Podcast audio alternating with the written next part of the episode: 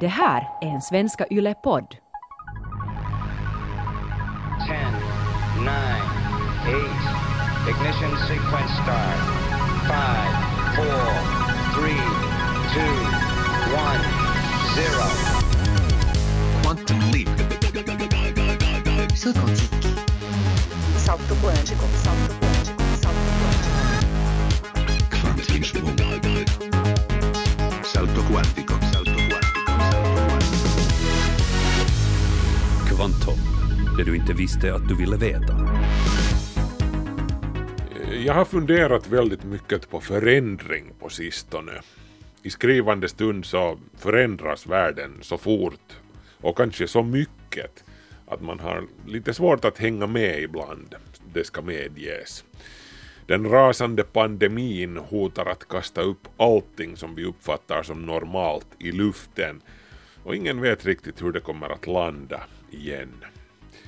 Men samtidigt så spricker löven ut på träden, svalorna återvänder söderifrån och, och kvällarna blir långa och ljusa här i norr, så som de alltid har gjort.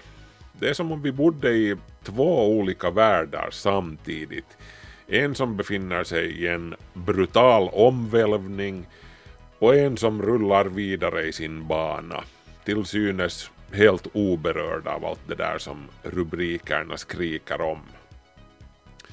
Men det är klart, också den till synes oföränderliga världen, den med svalorna och björkarna, också den förändras ju hela tiden. Den skulle göra det också om vi inte var här och förändrade den med våra åtgärder och vår industri och så vidare. Det kommer inte alltid att finnas svalor eller björkar eller människor för den delen. Om 10 miljoner år, eller säg nu om 100 miljoner år, kommer livet på jorden att se väldigt annorlunda ut. Kanske vissa vagt bekanta saker också, men på det hela taget ganska annorlunda.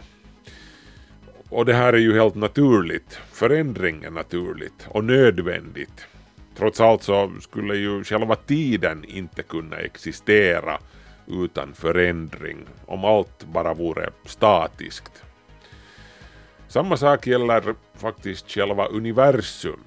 För några veckor sedan talade jag här i Kvanthopp om hur vetenskapen ser på universums slutgiltiga öde. Hur forskarna tror att universum kommer att ta slut efter en obegripligt lång tid. Och vad som händer på universums höst enligt en teori som kallas Big Chill, den stora kylan. I den här veckans kvanthopp ska vi titta närmare på en annan teori som har vunnit en del terräng på sistone. Big Rip heter den. Den stora revan. Den utgår från att slutet kan vara mycket närmare än vi har trott, fast fortfarande väldigt avlägset sett ur vårt mänskliga tidsperspektiv. Och när det slutet kommer, enligt Big Rip-teorin, är det inte nödvändigtvis slutet på allt, utan snarare början på någonting helt nytt.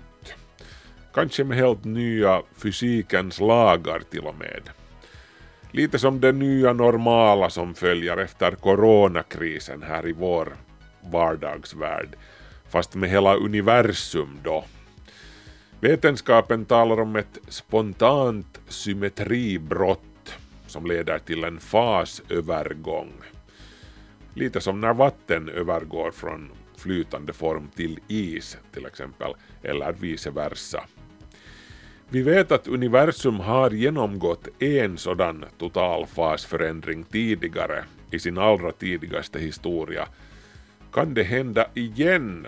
frågar sig Big Rip-teoretikerna. Bland annat det här ska vi fundera kring här i Kvanthopp den här veckan.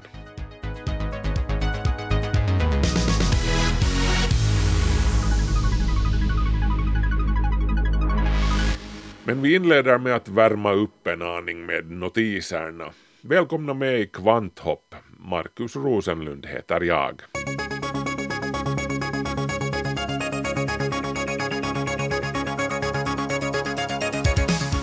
Ett svart hål har upptäckts på ynka tusen ljusårs avstånd från jorden av forskare från Europeiska sydobservatoriet ESO Rekordnära oss med andra ord. Hålet i fråga ligger i stjärnbilden Kikaren som går att se med blotta ögat från södra halvklotet.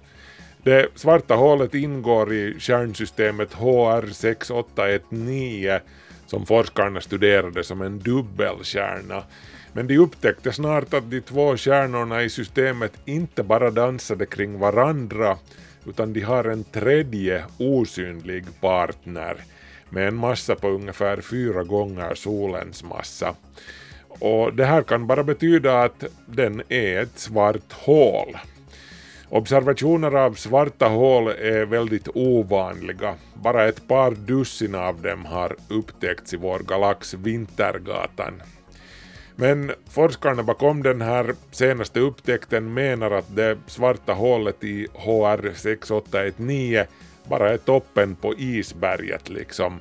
Fler motsvarande upptäckter väntar sannolikt bakom hörnet. Klimatvänliga jetplan har länge varit en ouppnåelig dröm för flygfarten men det här kan komma att ändras. Prototypen till en fossilfri jetmotor presenterades häromdagen i den vetenskapliga journalen AIP Advances. Jetmotorn i fråga använder själva luften som bränsle. Motorn komprimerar luften och joniserar den med hjälp av mikrovågor, vilket skapar ett plasma som ger upphov till en framåtdrivande kraft. Mikrovågorna de alstras med elström. Miniatyrversionen av den här eldrivna fossilfria jetmotorn lyckades lyfta en järnkula på ett kilo tre centimeter från marken vilket ungefär motsvarar prestandan hos en vanlig jetmotor i samma storlek. Forskarna menar att deras fossilfria luftplasmamotor också kan komma i fråga för jordbundna tillämpningar som fartyg och generatorer. Men mycket utvecklingsarbete och testande återstår ännu. Oljan är ju rekordbillig just nu. Det här gagnar inte minst vägbyggarna och reparatörerna eftersom olja ju är en av huvudingredienserna i bitumen som i sin tur ingår i asfalt. Bitumen är liksom klistret som håller asfalten samman. Österbottens tidning skriver att Österbotten kan komma att få mer ny vägbeläggning än det var tänkt från början. Priset på asfalt beror nämligen till 75 procent på oljepriset, så det här påverkar utan vidare mängden underhåll som vi kan utföra i sommar, säger Anders Östergård, vägdirektör på NTM-centralen i södra Österbotten åt ÖT. Östergård noterar att priset på asfalt inte har varit så här lågt i manna minne. I fjol fick Österbotten drygt 160 kilometer ny vägbeläggning. I år var målet ursprungligen ny asfalt på 330 kilometer, men med den billiga oljan så lär den siffran stiga. Fast oljepriserna är ju känsliga så mängden ny vägbeläggning kommer att avgöras av hur oljepriset artar sig under sommarmånaderna. Just nu finns det planer på att spela in en film på självaste internationella rymdstationen med ingen annan än Tom Cruise i huvudrollen. Webbsajten Deadline var först ute med den här nyheten. Det lät som ett försenat aprilskämt först det här, men NASA-chefen Jim Bridenstine bekräftade i tisdags på Twitter att det faktiskt är sant det här. Tanken är av allt att döma att 57-åriga Tom Cruise och ett litet filmteam ska flyga upp till rymdstationen med SpaceX nya rymdkapsel Crew Dragon. Exakt när det här ska ske är inte klart. Hur som helst så skulle det inte vara den första filmen som spelas in på ISS.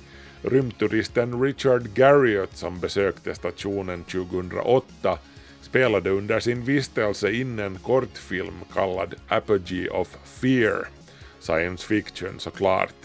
Men hej, det här skulle ju vara med Tom Cruise.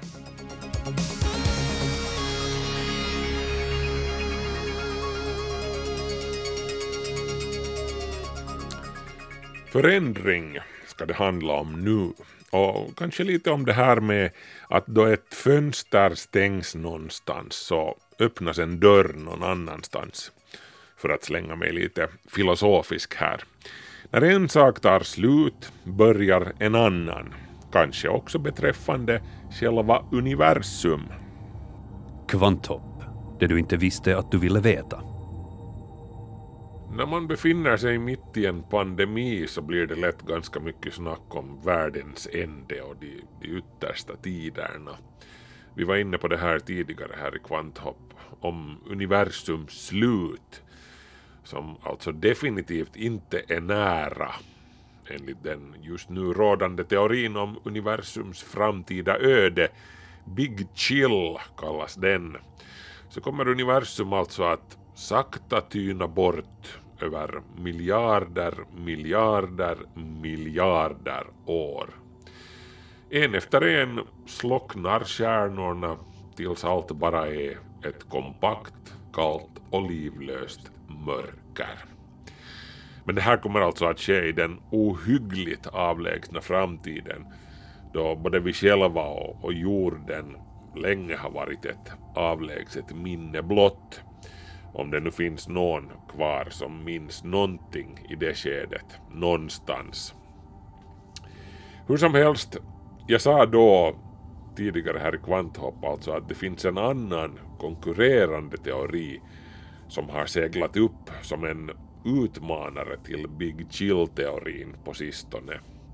Jag sa att vi skulle återkomma till den teorin, när det nu är så populärt att tala om världens ände och allt.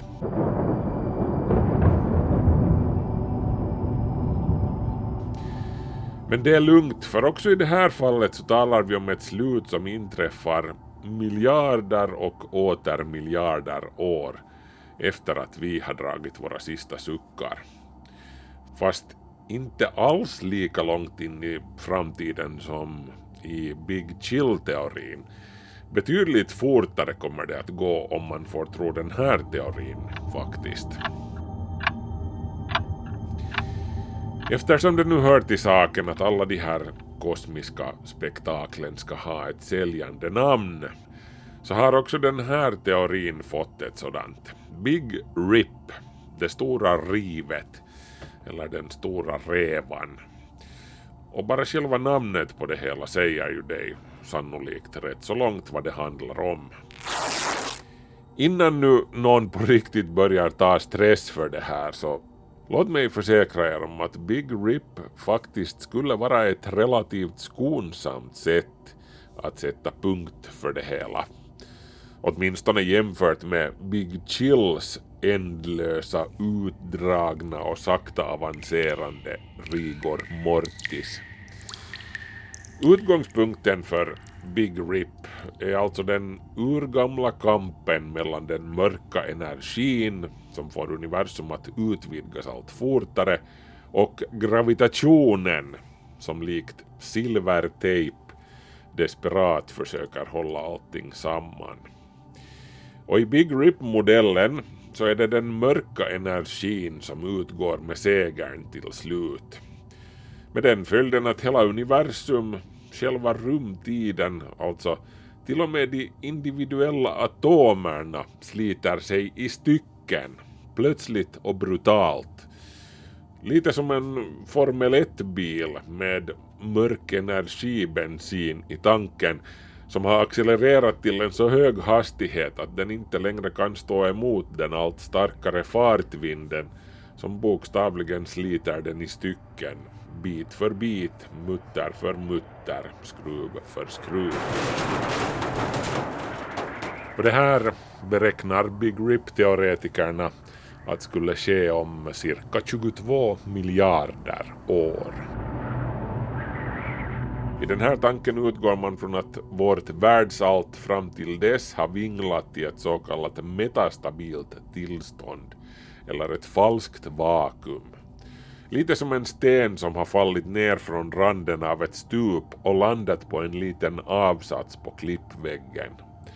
Där har den, den här stenen sedan stått och balanserat i sitt metastabila tillstånd tills en vindpust eller någonting annat får den att rubbas och så trillar den hela vägen ända ner till bergets fot. Därifrån kan den inte falla längre sen. Den har alltså uppnått ett stabilt tillstånd, eller i universums fall ett sant vakuum. I väntan på den stora revan så vilar vi alltså just nu på den där lilla avsatsen på klippväggen, hela universum med oss i, så att säga. I tron på att det här är så som det alltid har varit och alltid kommer att vara. Nå, i praktiken, på vår tidsskala, så är det ju så. Men vad kunde då tänkas utlösa det här så kallade spontana symmetribrottet som får universum att trilla från avsatsen, det vill säga slita sig självt i stycken. Vi kan ju illustrera den här sortens katastrofala kollapser med hjälp av ett sugrör. Det här exemplet har använts av nobelpristagaren Yoichiro Nambu. Ta alltså ett rakt sugrör och håll det lodrätt med ena ändan mot bordskivan. Tryck ner med fingret på den andra ändan. Förr eller senare, ju hårdare du pressar på, kommer sugröret plötsligt att böjas helt abrupt då rörets cylindriska form kollapsar under trycket. Röret drabbas då alltså av det som kallas ett spontant symmetribrott och det här utlöser en fasförändring från rakt rör till krökt rör. Men åt vilket håll böjs det? Du upprepar det här experimentet flera gånger och, och varje gång böjs sugröret åt lite olika håll och på lite olika sätt. Nå, nu har det visat sig att själva materian på sin mest grundläggande nivå har en tendens att genomgå sådana här förändringar då dess egenskaper kan förändras på konstiga och oväntade sätt. En av de första att stöta på en sån förändring var den nederländska fysikern Heike Kamerling Onnes. Året var 1911. Onnes hade utvecklat en speciell teknik för att kyla ner materia till riktigt låga temperaturer. Det här tillämpade han på en kvicksilvertråd som han kylde ner till 4,2 grader över den absoluta nollpunkten som alltså är minus 273,15 grader Celsius. Och då hände det någonting oväntat. När Onnes mätte trådens elektriska resistans upptäckte han till sin förvåning att resistansen hade försvunnit, den hade fallit till noll. Elströmmen kunde med andra ord passera utan något som helst motstånd genom tråden. Kvicksilvrets elektriska ledningsförmåga hade som av ett trollslag blivit oändligt stor. Onnes, som förstod sig på det här med marknadsföring, myntade på fläcken begreppet supraledning för att bättre kunna sälja sin upptäckt till det övriga vetenskapssamfundet. Och det tog skruv 1913 kunde Heike Kamerling Onnes titulera sig som nobelpristagare i fysik.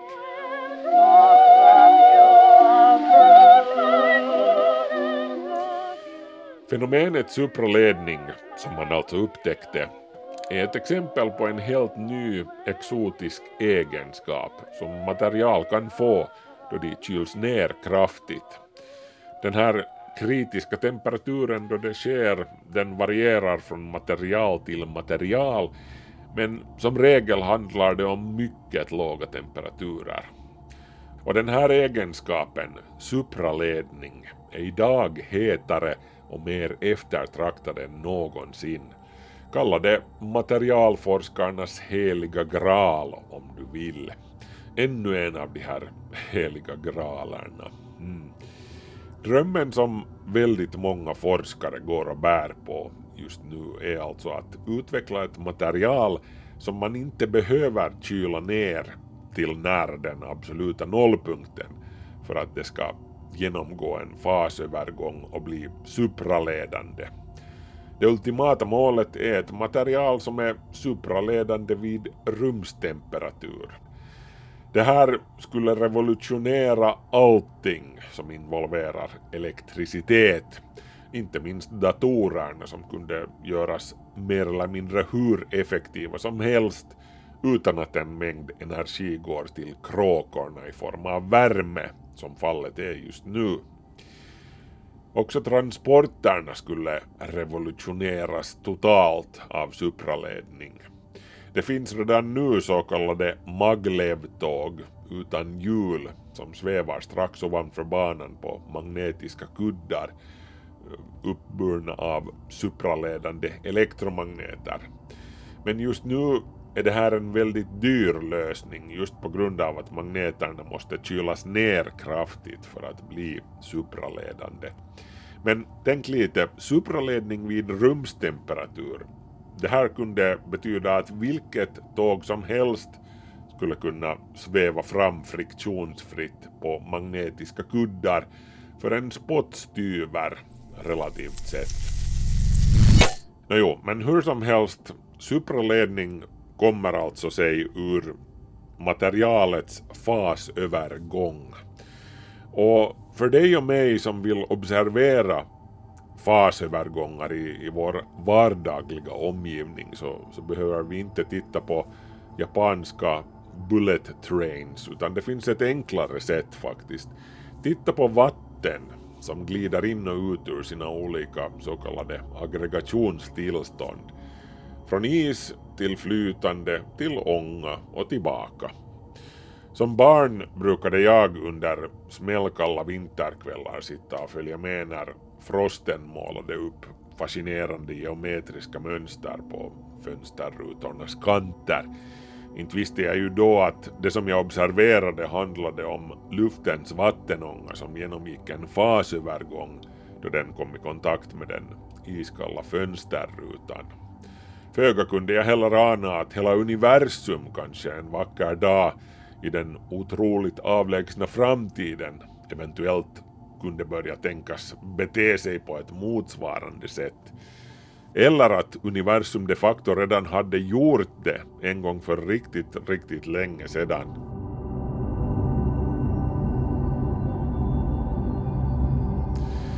En av de första som tänkte i de här banorna att den, den här sortens konstigheter som materian har för sig i liten skala kanske går att tillämpa på hela universum var den amerikanska teoretiska fysikern och kosmologen Alan Guth. Han insåg att det var en fasövergång av en viss sort som låg bakom universums inflationsfas, den spektakulärt explosivt snabba utvidgning som universum genomgick nästan direkt efter Big Bang.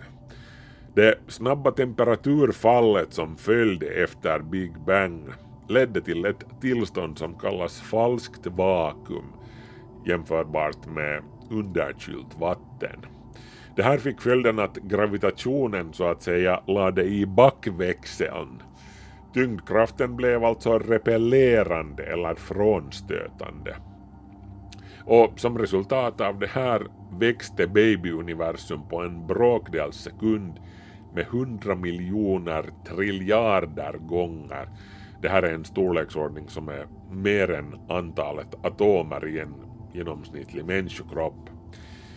Exakt hur det som skedde sen gick till är det ingen som vet egentligen men men det inträffade alltså ett spontant symmetribrott i universums allra tidigaste barndom som fick den här jäsningen att tvärstoppa. Hela processen körde liksom i väggen i en enorm skur av kvarkar, leptoner och fotoner som uppstod när det falska vakuumet frigjorde sin överskottsenergi Lite som en Formel 1-bil som kör i väggen i full fart och det strittar skruvar och muttrar vida omkring.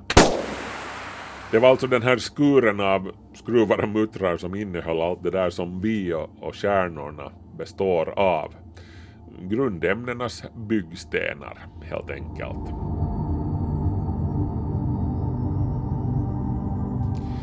Att en supersnabb och våldsam inflationsfas har ägt rum strax efter Big Bang är någonting som forskarna idag kan bekräfta och utläsa från den kosmiska bakgrundsstrålningen, babyuniversums fotoalbum. Vi har varit inne på det här tidigare här i Kvanthopp många gånger. Med andra ord har universum haft den här sortens hyss för sig en gång. Så vad är det då som säger att det inte kan ske på nytt långt senare? Lika snabbt och brutalt som babyuniversum blåstes upp så föreställer sig Big Rip-teoretikern att det åldrande universum kommer att rivas isär när nästa stora universella fasövergång inträffar. En som har funderat kring det här med universums eventuella abrupta slut är den amerikanska teoretiska fysikern Lawrence M. Krauss. Han skriver om saken i boken The Greatest Story Ever Told So Far som kom ut 2012. Jag ringde för flera år sedan upp Kraus för att snacka om det här och, och hade en pratstund om slutet med honom. Och han menar då att om allt det här känns jobbigt att föreställa sig, ta en flaska öl, men vänta, drick inte upp den riktigt ännu. Tänk dig alltså, sa Kraus, att du, du har ordnat ett partaj, men du har glömt att sätta ölen i kylen. Så du tar en flaska och lägger den i frysen för en stund som man ju gör ibland. Men sen i partyvimlet så glömmer du bort ölen i frysen. Det händer ju så lätt. Och följande dag minns du den här bärsen i, i frysboxen och, och ser man på, där på hyllan står den. Men vad är nu det här då? Ölen i flaskan har inte fryst till is. Du tar ut flaskan och öppnar den och då, poff, blixtfryser ölen. När den gör det utvidgas den så att flaskan går i tusen bitar. Men varför skedde det här inte medan flaskan stod i frysen då? Jo, för att då, då flaskan befann sig i frysen och korken var tätt tillsluten var vätskan i ett så kallat metastabilt tillstånd. Lite som den där stenen på den här klippavsatsen. Ölen befann sig under tryck vilket gjorde att den höll sig flytande också när temperaturen sjönk djupt under nollstrecket. Men bara så länge som trycket inte släppte. När du sen öppnar biran så då inträffar det här spontana symmetribrottet i och med att trycket släpper. Det här får vätskan att avge sin överskottsenergi och du får skura golvet och plocka upp glasskärvor.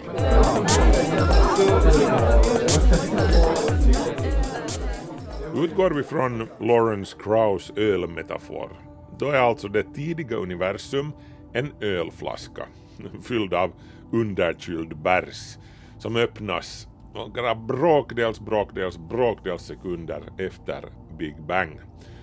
Poff! Slutet på en världsfas, början på en ny, vår fas. I den avlägsna framtiden, menar Kraus och hans meningsfränder, kanske det här kommer att ske igen, fast i mycket större skala. Och den här gången med det fullvuxna universumet. Vårt universum.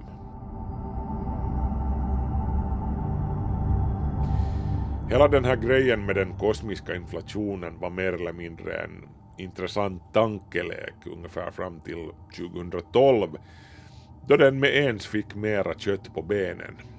Vad som hände då var alltså att Europeiska partikelfysiklabbet CERN meddelade att de äntligen har hittat sin heliga graal. Ja, ännu en av dem. Higgsbosonen, eller inom citat Gudspartikeln. Higgsbosonen är en nyckelkomponent i det så kallade Higgsfältet som genomsyrar allt och alla. Och vad är nu Higgsfältet då? Och vad har det med den här saken att göra? Jo, elementarpartiklarna som du och jag och din katt och ditt skrivbord och solen etc. består av rör sig genom rymden genom Higgsfältet. Tänk på det som en sorts sirap som fyller upp hela universum som partiklarna ska passera genom. Utan Higgsfältet skulle ingenting kunna existera i någon konkret form för alla partiklarna skulle bara liksom rusa huvudlöst omkring i ljusets hastighet. Higgsfältet bromsar upp partiklarna så att saker och ting kan existera. Och vissa av partiklarna bromsas upp särskilt mycket av Higgsfältets sirap, vilket får dem att bete sig som om de hade mera massa än andra, som elementarpartikelfamiljens tungviktare, toppkvarken till exempel.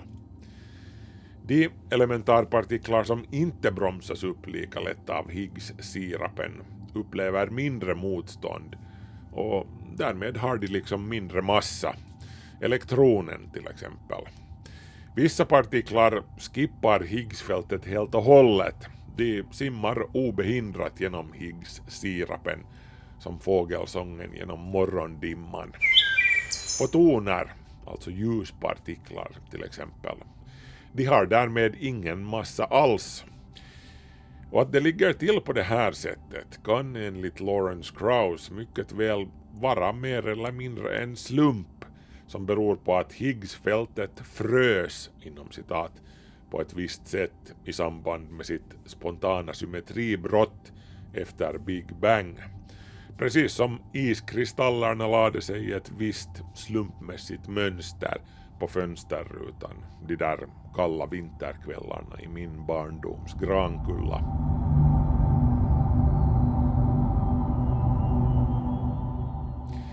Mönstret som Higgsfältet fick gav sedan upphov till vissa grundläggande egenskaper som elementarpartiklarna fick rätta sig efter, fysikens lagar kort och gott.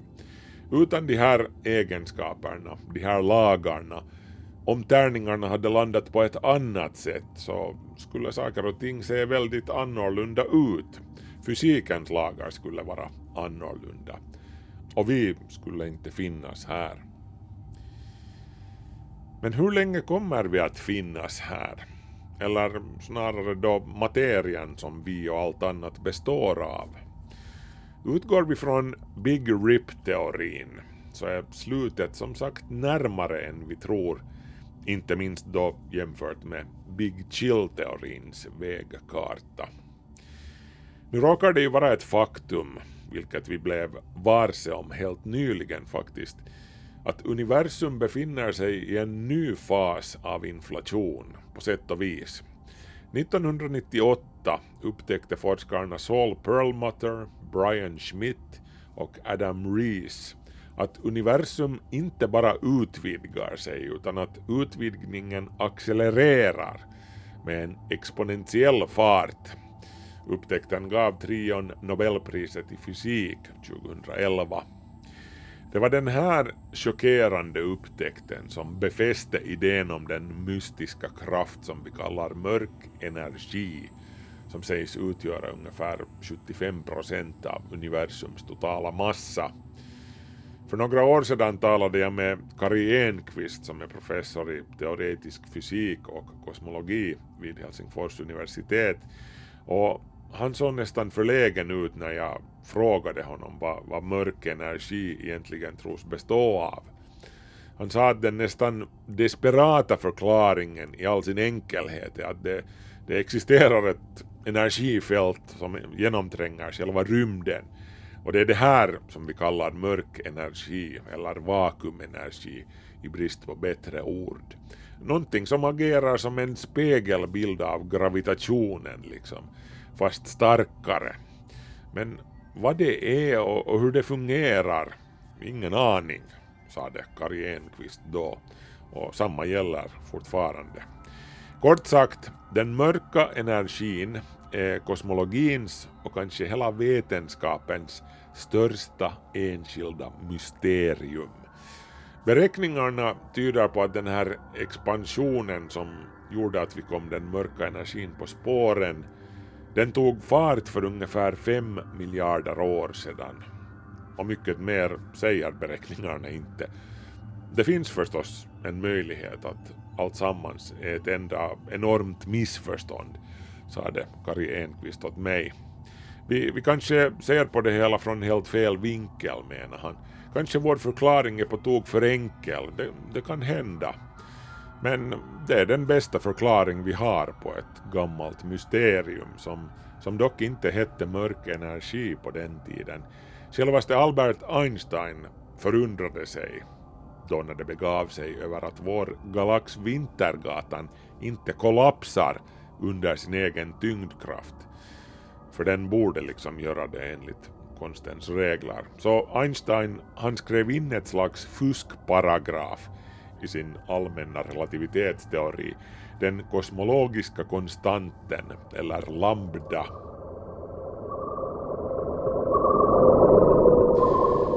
Den kosmologiska konstanten var alltså enligt Einstein en form av antigravitation som balanserar upp gravitationen och hindrar att allting kollapsar in i sig självt.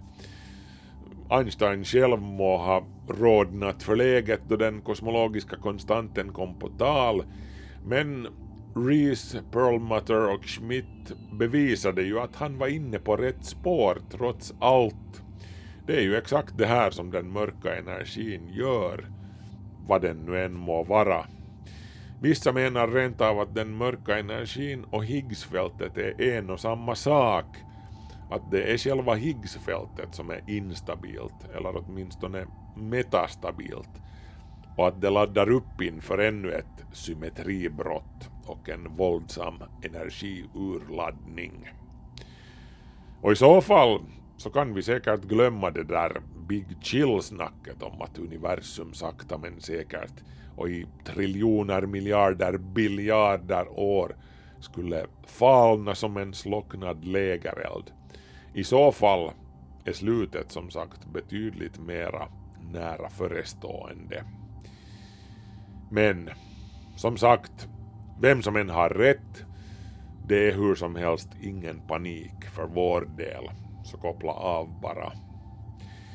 Låt oss ändå leka lite med den här tanken. Helt hypotetiskt, säg nu att Big Rip, den stora revan i universums duk, skulle börja slitas upp idag, till exempel i vår granne Andromeda-galaxen. Vi skulle inte kunna se att någonting är på gång där, för Andromeda-galaxen den ligger på två och en halv miljoner ljusårs avstånd.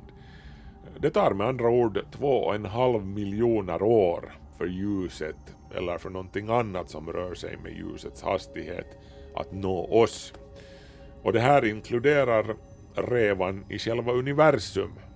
Så vi skulle hur som helst ha två och en halv miljoner år på oss innan det sker. Nå, det här med Andromeda-galaxen, det var nu bara ett hypotetiskt exempel. Ingenting säger att det skulle ske just där. Rent teoretiskt och hypotetiskt skulle det hur som helst vara möjligt att det redan har börjat någonstans ohyggligt långt borta och den här fronten den skulle då som bäst avancera i vår riktning med nästan 300 000 kilometer i sekunden. Men så här ligger det knappast till.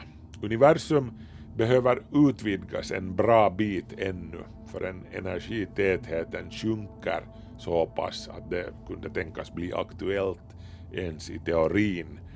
Och sen när det sker så, ja, no, då finns vi hur som helst inte här.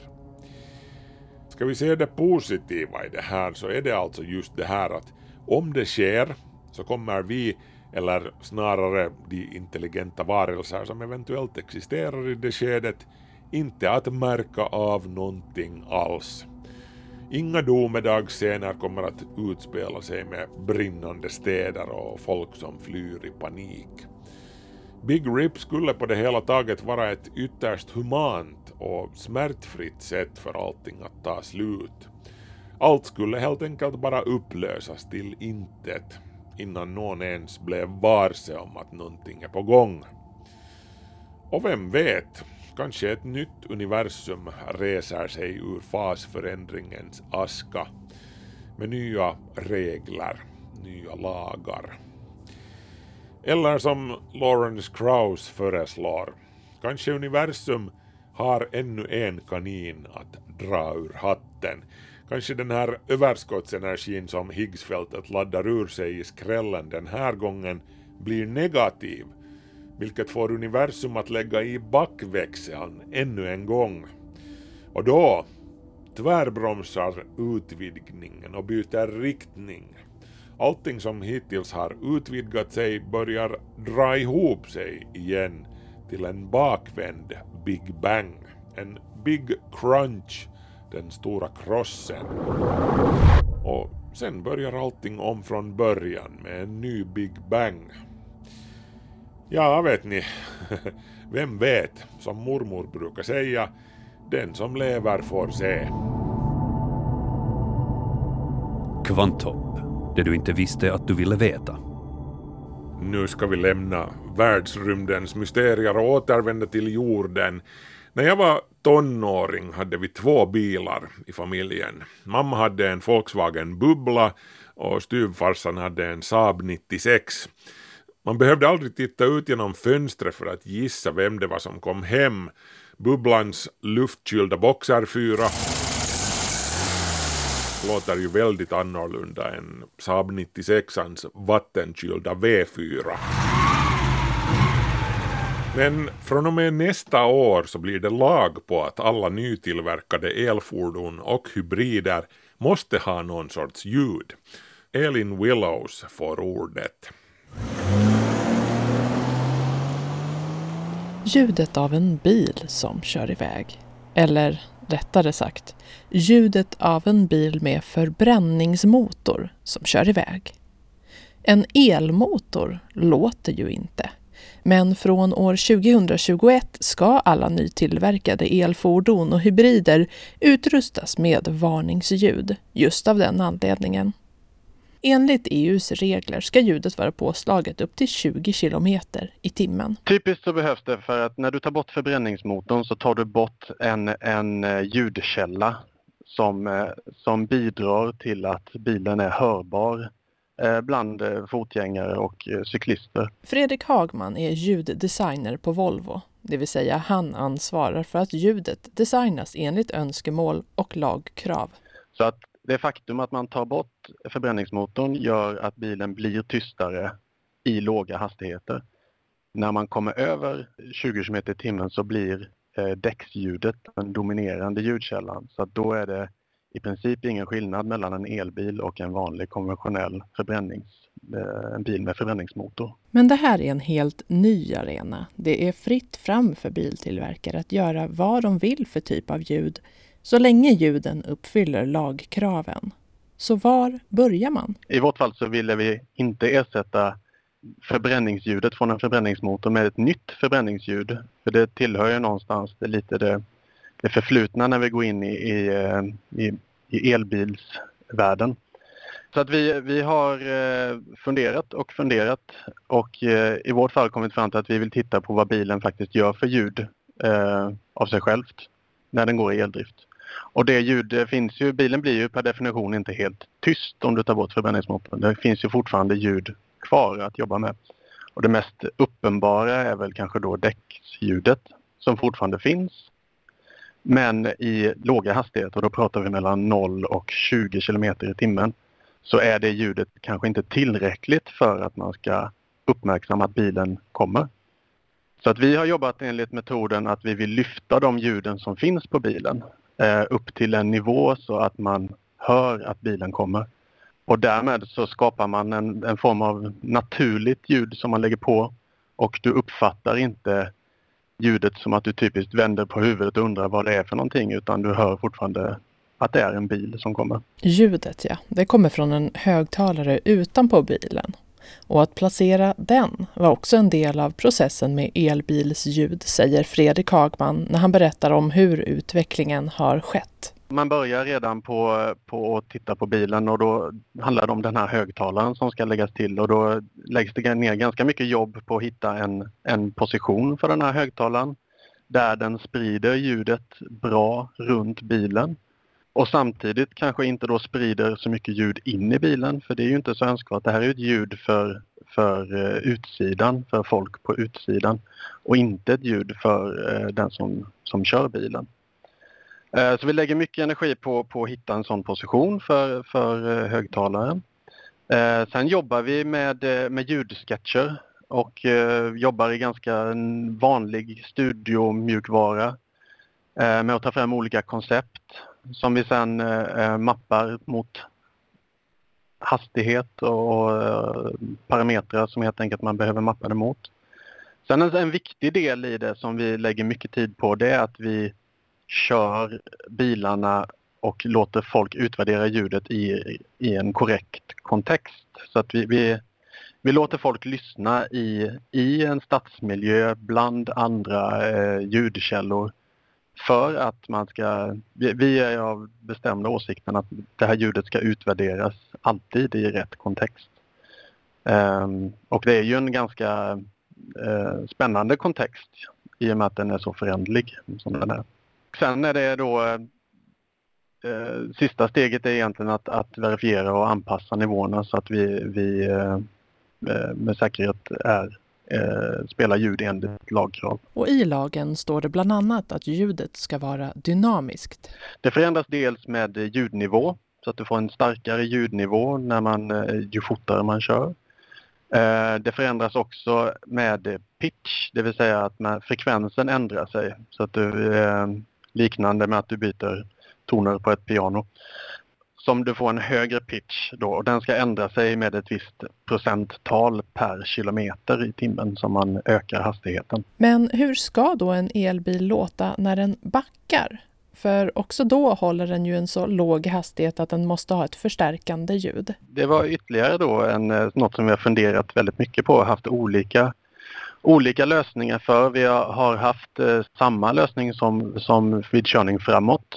Eh, men vi har landat i att det finns ett ljud som är väldigt synonymt med ett backande fordon. Och det är ju det ljudet som används idag för större och tyngre fordon. Då. Ett liknande lastbils, eh, ett lastbilspip helt enkelt. Så att vi har försökt att använda oss av samma approach, att ha ett ljud som har det här mer intermittenta pulserande beteendet men kanske jobba med karaktären då på ljudet för att göra det något mindre lastbilslikt eller mindre lastbilslikt och mer, eh, mer premiumkänsla på det här ljudet istället. Men det kommer vara ett ljud som är ett pulserande intermittent ljud som är logiskt kopplat till ett backande fordon. Är det svårt att designa ljud för elbilar? Ja, det är ganska svårt. Det kräver ganska mycket tankeverksamhet för att hitta ett, eh, ett ljud som, som man tycker passar. Eh, så har det varit i vårt fall. Vi har spenderat majoriteten av tiden med att eh, bolla olika koncept och eh, helt enkelt ägna väldigt mycket tanke åt vad som, vilket ljud som är rimligt. Själva ljudskapandet när man väl har hittat sin, sin approach är kanske inte det som tar mest tid utan det som faktiskt tar tid är att, att hitta den där, det där ljudet som man, som man tycker matchar både, både lagkrav och varumärket som sådant. Fredrik Hagman säger att det här är nya marker för biltillverkarna. Jo, men det skulle jag säga absolut att det är. Och det är också nya marker på grund av att man, eh, om man i alla fall i vårt fall då, inte vill efterlikna så som det har varit. Utan man vill hitta någonting nytt eh, i det här. Och eh, det är ju eh, egentligen ett, ett vitt papper att börja, börja skissa på då när du säger som för de interiöra ljuden så finns det ju någonstans en, en, en historia och du kommer någonstans ifrån när man fortsätter utvecklingen av de ljuden. Medan det här är ju ett, ett för alla biltillverkare ett, ett första skott som man kommer med nu. Men borde ljuden vara logiska? Borde tillverkarna ha någon gemensam linje? Det är fritt upp till varje tillverkare att designa sitt eget ljud så länge man förhåller sig till det, de lagkrav som är skrivna med, med tanke på då frekvens och nivå. Eh, vår tanke med det hela har varit att vi vill eh, nyttja ett, ett, en brusprofil som är, har väldigt många fördelar. Eh, brus är oftast, eller är bättre än, än eh, mer tonala ljud, om man säger en frekvens då, när det kommer till att eh, lokalisera var ljudet kommer ifrån. Vi har också haft en tanke på att vi vill inte sprida, alltså lägga till ljudkomponenter i samhället som, som faktiskt inte finns där sedan innan. Eh, så att vi vill använda de, de ljudkomponenterna som bilen faktiskt har och använda dem i vår design för att inte addera ljud till samhället, nya ljud. Allt går att lära så att säga men det är klart att får du en väldig spridning på olika former av ljud så kommer det bli svårare klart att lära sig vad det är och känna igen vad det är för någonting. Ljud för elbilar är ingenting som biltillverkarna samarbetar kring. Nej, vi har inte haft någon kontakt med andra biltillverkare kring det här och eh, eh upplevelsen är väl att, att man eh, ganska mycket har, har eh, inte velat diskutera det heller. Den enda kontakt vi har haft har varit på ett tidigt stadium eh, när, eh, kring lagkrav och så vidare när man diskuterar dem. Men inte kring själva implementationen eller ljuddesignen. Kan det i framtiden bli så att man associerar ljudet från en elbil med en viss tillverkare? På samma sätt som man idag kopplar ihop ljudet från en bildörr som stängs med ett visst märke? Det är mycket möjligt eh, att det blir så. Man ska komma ihåg någonstans att det är för låga hastigheter. Det är för ett område mellan 0 till 20 km i timmen som är ett relativt begränsat område så att säga. Så att det är i ett vanligt eh, körfall så är man förbi, typiskt så har du kanske accelererat förbi det här området ganska fort. Men i, eh, i mer lågfartsområden så, så eh, absolut kan det nog vara en, en sådan faktor. Det var Elin Willows som var reporter i det inslaget. Kvanthopp har kommit till sin ände för den här veckan men vi är tillbaka igen nästa vecka. Markus Rosenlund heter jag som nu säger att tack och hej, vi hörs, hej så länge.